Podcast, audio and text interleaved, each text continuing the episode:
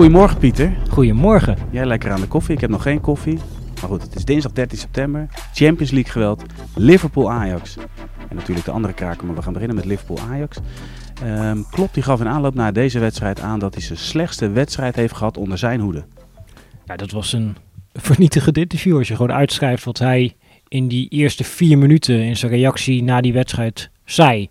Ja, dat, dat is ongelooflijk. Een van de dingen die hij zei was... Uh, nou ja, de tegenstander die deze wedstrijd gaat analyseren. toen doelde hij nog op Wolves. Dus inmiddels is dat uh, Ajax geworden. Ja. die gaat uh, de ballen uit de boek lachen. En die denken, wij zijn uh, geprezen door God dat wij op dit moment tegen dit Liverpool mogen spelen. Want dit Liverpool doet eigenlijk niks goed waar normaal gesproken Liverpool goed in was. En ja, zijn analyse was vernietigend, maar hij legde wel precies ook tactisch ja, de vinger op de zere plek. En ik denk dat daar ook precies het gevaar voor Ajax geldt. Want het lijkt me heel sterk dat Liverpool nog een keer zo slecht gaat spelen als tegen Napoli. Want de trainer weet exact waar het aan ligt. De trainer weet wat er beter moet. En wat er beter moet is eigenlijk datgene waar Liverpool altijd heel goed in is geweest.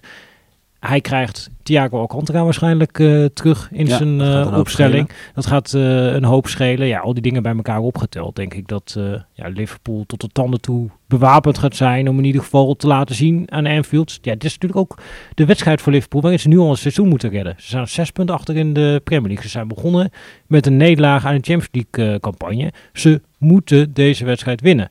En ze moeten zo snel mogelijk het stadion erachter krijgen. Dus ja, we gaan het totaal totaal ander Liverpool zien dan tegen Napoli. En uh, ja, die denk wat dat betreft dat we echt wel een uh, voetbalfeest kunnen verwachten. Ik denk dat Schreuder er ook wel rekening mee houdt. Want die gaf in zijn perspraatje aan dat, uh, die, die, had het ook over klopt, dat het echt een voorbeeld is voor veel trainers.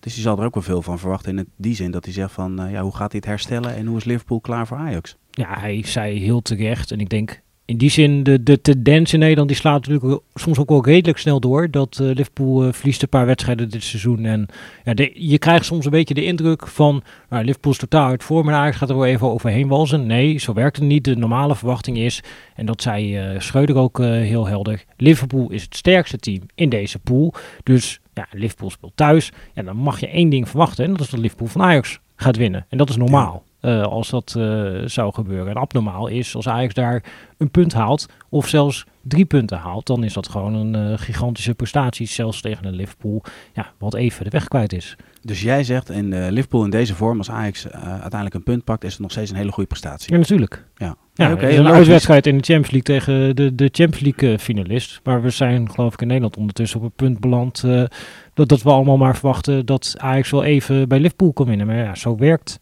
dat niet. En het is ook een team wat natuurlijk in verschillende ja, keren onder Klop al heeft laten zien dat ze ja, zich kunnen herstellen van een enorme tegenslag. Dit is ja, praktisch hetzelfde team, heel veel spelers. Ik denk het overwegende deel van de basisploeg was er al bij in de tijd dat ze met 3-0 bij Barcelona verloren. En volgens die tweede halve finale winnen. Dit team was erbij toen ze vorig jaar in de halve finale de eerste wedstrijd wonnen van Villarreal. In de tweede wedstrijd in de eerste helft helemaal van het kastje naar de muur getikt werden. En het in de rust al hersteld. Ja, toen had Klopp uh, twee minuten om de puntjes op de i te zetten. Nu heeft hij een hele week gehad. Natuurlijk gaat Liverpool beter zijn. Ja, precies. Nou, maar goed, je brengt het overtuigend en terecht ook. Alleen de, de ja, tendens nu in Nederland is omdat het natuurlijk zo zwak is dat je denkt, nou, als er een moment is om te winnen, dan is dit het moment. Dat is ook zo. Dat is ook zo. En Ajax, ja, wat dat betreft heeft, uh, klopt natuurlijk gelijk. Ajax mag God op zijn blote knieën danken dat ze nu dit Liverpool treffen. Want als je ze misschien over een paar weken treft, ja, dan is Liverpool weer helemaal in het uh, oude doen. Uh, zijn ze misschien ook fit? Want ik denk wel dat daar kansen liggen voor Ajax. Ik verwacht dat Liverpool eerste nou ja, de openingsfase, dat ze heel goed gaan zijn, eerste 30 minuten. Dat het misschien een beetje de intensiteit in het laatste kwartier voor rust gaat afnemen. Dat er dan kansen komen voor Ajax. En in het laatste half uur, ik denk niet dat Thiago 90 minuten kan volhouden. Dus ja, dan ga je op een gegeven moment, ja, dan komen toch de James Milners van deze wereld uh, komen de ploeg in. En dan gaat gewoon de hele kwaliteit van het spel van Liverpool gaat achteruit. Je ziet dat die ploeg, als je gewoon naar de fysieke data kijkt, niet kan leveren wat ze in voorgaande jaren leverden. Qua ja, gelopen afstanden, qua met name ook uh, sprints op hoge intensiteit. Nou ja, Liverpool staat erom bekend dat ze zeggen: onze intensiteit is onze identiteit. Ja, die intensiteit ja, die valt gewoon in gedeeltes van wedstrijden weg. Dus Ajax heeft eigenlijk maar één opdracht op Anfield. Een uur lang moet je stand houden, volhouden. En dan liggen er kansen in het laatste half uur tegen dit Liverpool. Toch vind ik het wel pijnlijk dat je zegt een, een ploeg als Liverpool, dat dan de wissel uh, Thiago Alcantara van Milner, dat het dan zo'n extreem verschil is. Dan kun je wel stellen, ja, qua aankoopbeleid is er gewoon iets niet goed gegaan. Want je moet, je moet wel breder zijn, in ieder geval kwalitatief breder. Want je hebt al genoeg spelers, maar zijn ze kwalitatief goed genoeg? Dat, dat is zeker een vraag die je kan stellen. En tegelijkertijd, uh, ja, de, de, ik heb nog veel meer een vraag bij wat daar in vredesnaam gebeurd is in, in de voorbereiding, uh, in de conditionele opbouw van dit team. Want ja. als je gewoon reëel naar die selectie gaat kijken, je hebt Nabi Keita, nou, stel dat je die uh, had gehad, ja, die, die had prima die rol kunnen invullen. Je hebt normaal gesproken heb je Jordan Henderson. Nou, dan heb je bijvoorbeeld een middenveld met Fabinho, Jordan Henderson en dan Elliot erbij ja, heb je helemaal niet een slecht middenveld. Je hebt natuurlijk ook nog Curtis Jones heb je daar uh, lopen. Talent. Alex Oxlade-Chamberlain, de duurste speler die Arsenal ooit verkocht heeft. Dus ja, ook op het middenveld zijn er eigenlijk best wel wat opties. Alleen iedereen is geblesseerd, waardoor James Milner moet spelen. En James Milner uh, is heel belangrijk voor Liverpool. Iedereen ja. loopt met hem weg, omdat hij eigenlijk een soort van ja, tweede aanvoer, tweede trainer is, maar dan op het veld. Ja. Alleen, hij vult ook met regelmatig verschillende posities in natuurlijk. Dat klopt. Alleen je kunt niet van hem verwachten dat hij op deze leeftijd Liverpool nog even bij de hand uh, gaan nemen op het middenveld. En dat hij uh, alle Thiago met uh, pases de ene naar de andere aanval opzet. Ja, dat, dat, is natuurlijk volledig uh, irreëel. Dus ik denk dat het een combinatie is inderdaad. Met, ja, je kunt praten over selectiesamenstelling, maar als je net ja, de waslijst uh, aan uh, blessures opnoemt. Ja. Eigenlijk als je alle blessures opnoemt, want nu is Robertson is ook weer weggevallen natuurlijk. En ja, als je ook nog de andere blessures die dit seizoen hebben plaatsgevonden erbij gaat opnoemen, dan de 10 minuten die oorspronkelijk stonden voor VZ zijn eigenlijk al gevuld als je gewoon al die namen opleest. Ja, precies. Ik wilde nog kort de rol van Tadis met je doornemen aan de rechterkant. hoe kijk jij daarnaar? Nou, ik heb gisteren, of nee, gisteren zaterdag voor die wedstrijd hadden we een stuk op VPro met eigenlijk statistieken over uh, nou ja, de, de, perceptie was natuurlijk een beetje Tadic is slecht gestart aan het seizoen en de kop over het artikel was uh, Tadic slecht gestart niet als je aan deze statistieken uh, kijkt. Ja. Ja, en die statistieken waren met name dat ja, je ziet dat hij nu niet op de rechterflank speelt, dat hij eigenlijk ja, verder terugspeelt en meer als middenvelder speelt dan dat hij dat eigenlijk deed uh, wanneer hij die rol invulde vanuit de linkerflank. Dan was hij eigenlijk meer een buitenspeler. Nou, Wat voor gevolg had dat? Dat hij ja, vaker ploeggenoten vond uh, in het laatste gedeelte van het veld. Dat hij vaker ploeggenoten, of eigenlijk precies even vaak ploeggenoten in scoringspositie uh, bracht als dat hij dat in voorgaande seizoenen deed. En ja, dat hij op dat vlak bijvoorbeeld qua ploeggenoten bereiken in het laatste gedeelte van het veld was in de hele Eredivisie alleen Dele Blind beter dan Tadic die op dat moment ja, als je heel Nederland moet geloven, totaal uit vorm was. Maar die had dus wel degelijk ja, een belangrijke rol in het aanvalspel. Je zag dat hij precies evenveel kansen creëerde van precies dezelfde kwaliteit. Alleen dat die in eerste instantie minder goed werden afgemaakt. Nou, en dan krijg je een wedstrijd tegen Herenveen. En dan in één keer worden al zijn voorzetten er wel ingeschoten. En nu, daar is dus uit de vormcrisis. Nee, hij gaf precies dezelfde voorzetten die hij in al die andere wedstrijden ook gegeven had. Ja. En toen werden ze niet afgemaakt. En nu werden ze wel afgemaakt. En als een voorzitter wordt afgemaakt, dan heeft hij een assist en is hij heel goed. Maar dit gaat over direct betrokkenheid. In hoeverre is hij belangrijk uh, bij de aanval waarbij hij indirect betrokken is? Ja, ook. in het voorstation. Uh... Ja, ook. Ik heb uh, in dat stuk ook een uh, loopactie uitgelicht in het duel met Rangers bij die goal die Berghuis uiteindelijk maakt. Ja, daar zie je dan, komt Kudus komt uit de spits. Nou ja, iedereen in Nederland ziet uh, Kudus direct uit de spits. Hé, hey, dat is belangrijk. de Kudus variant is meteen een begrip geworden. Maar wat ook heel belangrijk is, dus wat Thadis op dat moment doet. Je ziet dat Kudus uit die spits beweegt. Hij beweegt in die spits. Nou, wat gebeurt er daarmee? Hij houdt A die twee centrale verdedigers houdt hij bezig. Dus die durven niet meer door te dekken ja. op Kudus. En B, hij trekt ook nog die linksback van Rangers met zich mee. Nou, dus hij heeft drie man bij zich. Hij houdt drie man bij zich. Ja. En daardoor komt op die rechterflank, waar dan een gat ontstaat, komt in dit geval komt Berghuis vrij. Nou, we hebben ook al heel vaak dit seizoen die Fine Rens gezien. één op één met de keeper. Ja. Je kunt al die aanvallen gaan terugkijken. Hoe komt dat nou iedere keer? Ja, Tadic maakt een loopactie. Die trekt twee, drie man met zich mee. En vervolgens komt de ploegenoot vrij. Uh, en dan krijgt die ploegenoot... Uh, nou, dan gaan de duimen voor omhoog. Van dat heeft het allemaal fantastisch gedaan. Maar je moet ook kijken naar de rol die Tadic daarin uh, ja. in heeft. En ja, die is gewoon waanzinnig belangrijk daarin nog steeds voor Ajax. Alleen op een andere manier is hij belangrijk. En ja, je moet gewoon denk ik op een andere manier ook naar Tadic gaan kijken. Want als je ook naar dezelfde statistieken kijkt, dan zie je dat hij bijvoorbeeld minder in scoringsposities komt. En ja. dat hij verder terug op het veld eigenlijk aan de bal komt. Ja, eigenlijk moet je gewoon naar Tadic kijken van het was een aanval, het is nu een middenvelder geworden. Moet je hem gaan beoordelen als middenvelder. Kijk, duidelijk Pieter. Dan gaan we door naar de volgende wedstrijd. Bayern München tegen Barcelona. Lewandowski kwam terug in zijn oude stadion. Uh, en dan is de persconferentie voorafgaand aan die training is dan. En dan is Thomas Müller, zijn oude partner voorin bij Bayern München. Die is al een beetje gewaarschuwd door Mané van ja, ik moet niet per ongeluk de bal naar Lewandowski spelen. ja, dat, uh, dat, ja, het is natuurlijk bijzonder, maar ja, het is ook een soort van examen, wat mij betreft, uh, voor Barcelona als geheel. Ze hebben natuurlijk Lewandowski erbij gekregen in de Spaanse competitie. Maken ze tot nu toe een hartstikke goede indruk als je naar het team kijkt. Je hebt het idee dat ze zonder Xavi stap hebben gezet.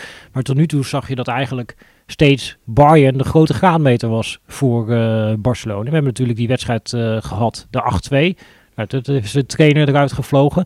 Maar eigenlijk, Koeman, dat ontslag, dat werd ook begonnen met de wedstrijd tegen ook het Bayern van Nagelsman. Ja. Werd er van het kastje naar de muur gespeeld. Ja, Bayern speelde gewoon drie tempo's hoger dan dat uh, Barcelona. Dat het gewoon overal te laat kwam en totaal niet kon belopen. Ja, en nog, ik had het idee dat ze zich nog inhield op sommige momenten. Ja, dat het leek gewoon van, ja, alsof Barcelona het voetbal van tien jaar geleden speelde. Dat was toen twee wedstrijden achter elkaar zo. En zelfs, nou ja, toen, uh, dat was natuurlijk ook weer tegen Bayern, dat uh, overleven in de Champions League op het spel stond. Ja, toen kwam weer die indruk naar voren. En wat dat betreft is het gewoon een hele interessante wedstrijd om te zien van, ja, waar staan ze nu echt in nieuwe Barcelona? Ja, verwacht jij een echte wedstrijd of weer een afstraffing? Wat denk jij? Nou, ik denk dat het dichter bij elkaar zit nu dan dat het... Uh, maar nog wel een verschil dus. Ja, normaal gesproken denk ik wel dat nog steeds Bayern favoriet is. Ja. Uh, al, ja, het, het, is wat dat betreft uh, een beetje dubbel dat uh, Bayern, ik heb ze ook afgelopen zaterdag weer zien spelen. het is fantastisch om naar te kijken met al die positiewisselingen. het zit tactisch allemaal geweldig in elkaar. Alleen je merkt eigenlijk wel hoe geweldig Sadio Mane ook is, die dan weer gemist wordt door Liverpool. Maar hoe geweldig hij ook is, dat je Lewandowski mist om, ja, ze komen per wedstrijd 30, 40 keer in dat strafschopgebied. Alleen, ja. nu staat er niet altijd iemand op de juiste plek om die bal erin te schieten. Het is een soort vaste bezetting in de 16 eigenlijk. Ja, en ook gewoon iemand die als hij een kans krijgt dat het doelpunt is. Ja. Met links, met rechts of met het hoofd. En ja, dat mist Bayern nu, denk ik. Dus ja, wat dat betreft kan het natuurlijk gewoon zo zijn dat het een ja, wedstrijd wordt waarin, dat zou mij niet verbazen, waarin Bayern het betere van het spel heeft, maar waar Barcelona toch een resultaat kan halen, dankzij Lewandowski, omdat zij een spits hebben die alle ballen erin schiet. Dus dat helpt toch mee. Oké, en gaan we dan nog wat Nederlands aan de aftrap uh, zien? Um, nou, Ryan Gravenberg niet. Die uh, werd uh, duidelijk ook op zijn plek gezet wat dat betreft door ja. Nagelsman. Ik weet niet of... Um, als Nederlander moet zien. Dat is altijd een beetje ingewikkeld met dat soort kwesties dat zou me niet verbazen als die getart. Ik vond ik goed spelen afgelopen uh, zaterdag. En ik denk de licht dat hij, ja, was natuurlijk ongelukkig met die penalty, maar dat hij misschien toch wel weer een keer mag starten. Die lijkt wel langzaam geïntegreerd te worden in de ploeg. Ja, bij Barcelona niet. Nee, heel duidelijk Pieter. Dan uh, gaan we naar de rubriek meest gelezen op v.nl. En dat is uh, dat er een streep gaat door het Europa League duel tussen Arsenal en PSV. Nou, de reden is wel bekend.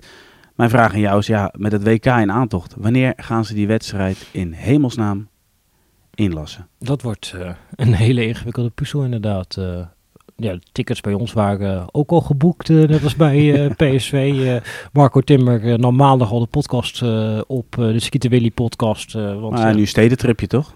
Een stedentripje inderdaad. Ja. nee, dat wordt allemaal gecanceld. Ja, dat, kijk, het is te begrijpen. Omdat in dit geval heeft dan gewoon te maken met de politiemacht uh, in Londen. En ja, uh, ja, je kunt niet in één keer uh, ja, een tweede ja, politie uit de grond stampen die dan deze wedstrijd in goede banen leidt. Maar ja, het zorgt wel voor een organisatorische uitdaging. En ik had eigenlijk gedacht van, nou, als je er gewoon even heel logisch naar kijkt. ook Arsenal, die hebben soms vol schema met al die Engelse bekers. Van de PSV spelen. Ja, draai die twee affiches om. Zeg, we spelen in Eindhoven. Dus is hele probleem opgelost. En dan zit je ook niet met uh, al dat rare gepuzzel. Want... Ja, waarschijnlijk heeft dat weer te maken dat het hele marketingteam van UEFA dan uh, weer een hele volksverhuizing moet inplannen. Dat ze dat niet voor elkaar hebben. Dat, ja, iets anders zou ik niet kunnen aanwijzen als reden. Of in ieder geval, ja, je moet natuurlijk ook logistiek, je moet naar kaarten kijken. Hoe gaat het allemaal? Uh, je bezetting in het stadion. Dus daar komt natuurlijk ook organisatie bij kijken. Maar ja, richting het WK en, en zo'n vol speelkalender ja, ik vraag me af in hoeverre dat gaat passen. En het gekke is natuurlijk dat we hebben, er worden nu geloof ik wel data genoemd als optie. Ik geloof 20 oktober dat een van de data is die wel eens wordt uh, geopperd uh, als optie. Maar we hebben natuurlijk vorig jaar, en dat, dat wordt wel een interessante, want je bent als thuisploeg ben je verantwoordelijk voor de organisatie van die wedstrijd. Ja. Nou, dus Arsenal is hiervoor verantwoordelijk. En we hebben dit vorig jaar gehad met Spurs in die pool bij Vitesse. Die toen ook niet voor elkaar kregen om hun ja, affiche die ze nog moesten spelen. Was destijds natuurlijk vanwege COVID dat die wedstrijd uh, niet uh, doorging. Die kregen niet voor elkaar om dat in te plannen. En daardoor heeft Vitesse die knock-out fase van de Conference League gehaald. Dus als PSV-fan kun je er misschien ook een beetje optimistisch naar kijken. En ja, Arsenal is hiervoor verantwoordelijk. En als zij niet voor elkaar krijgen in hun volle schema om dit uh, nog in te passen. drie punten bij, bijschrijven. Ja, ja of inderdaad, als zij het überhaupt niet georganiseerd krijgen, die wedstrijd. En dan krijgen misschien uh, een vrij ticket uh, naar de volgende ronde van de Europa League. Zoals ook Vitesse dat heeft meegemaakt. Dus nou, er zit een Met klein noemen ze dat een buy, hè? Ja, een buy, inderdaad. Dat nou, je ja, wie weet. Kan spelen. Ja, dus we, we, gaan het, we gaan het meemaken en het wordt gepuzzel voor de mensen van Arsenal. Top. Gaan we naar het laatste onderwerp. Dat is natuurlijk de meest gelezen item op V Pro. Uh, in dit geval gaat het uh, over jouw stuk van ja, wat kan Ajax verwachten van Liverpool. En je hebt het over driehoekjes. Alles draait om driehoekjes. Klopt.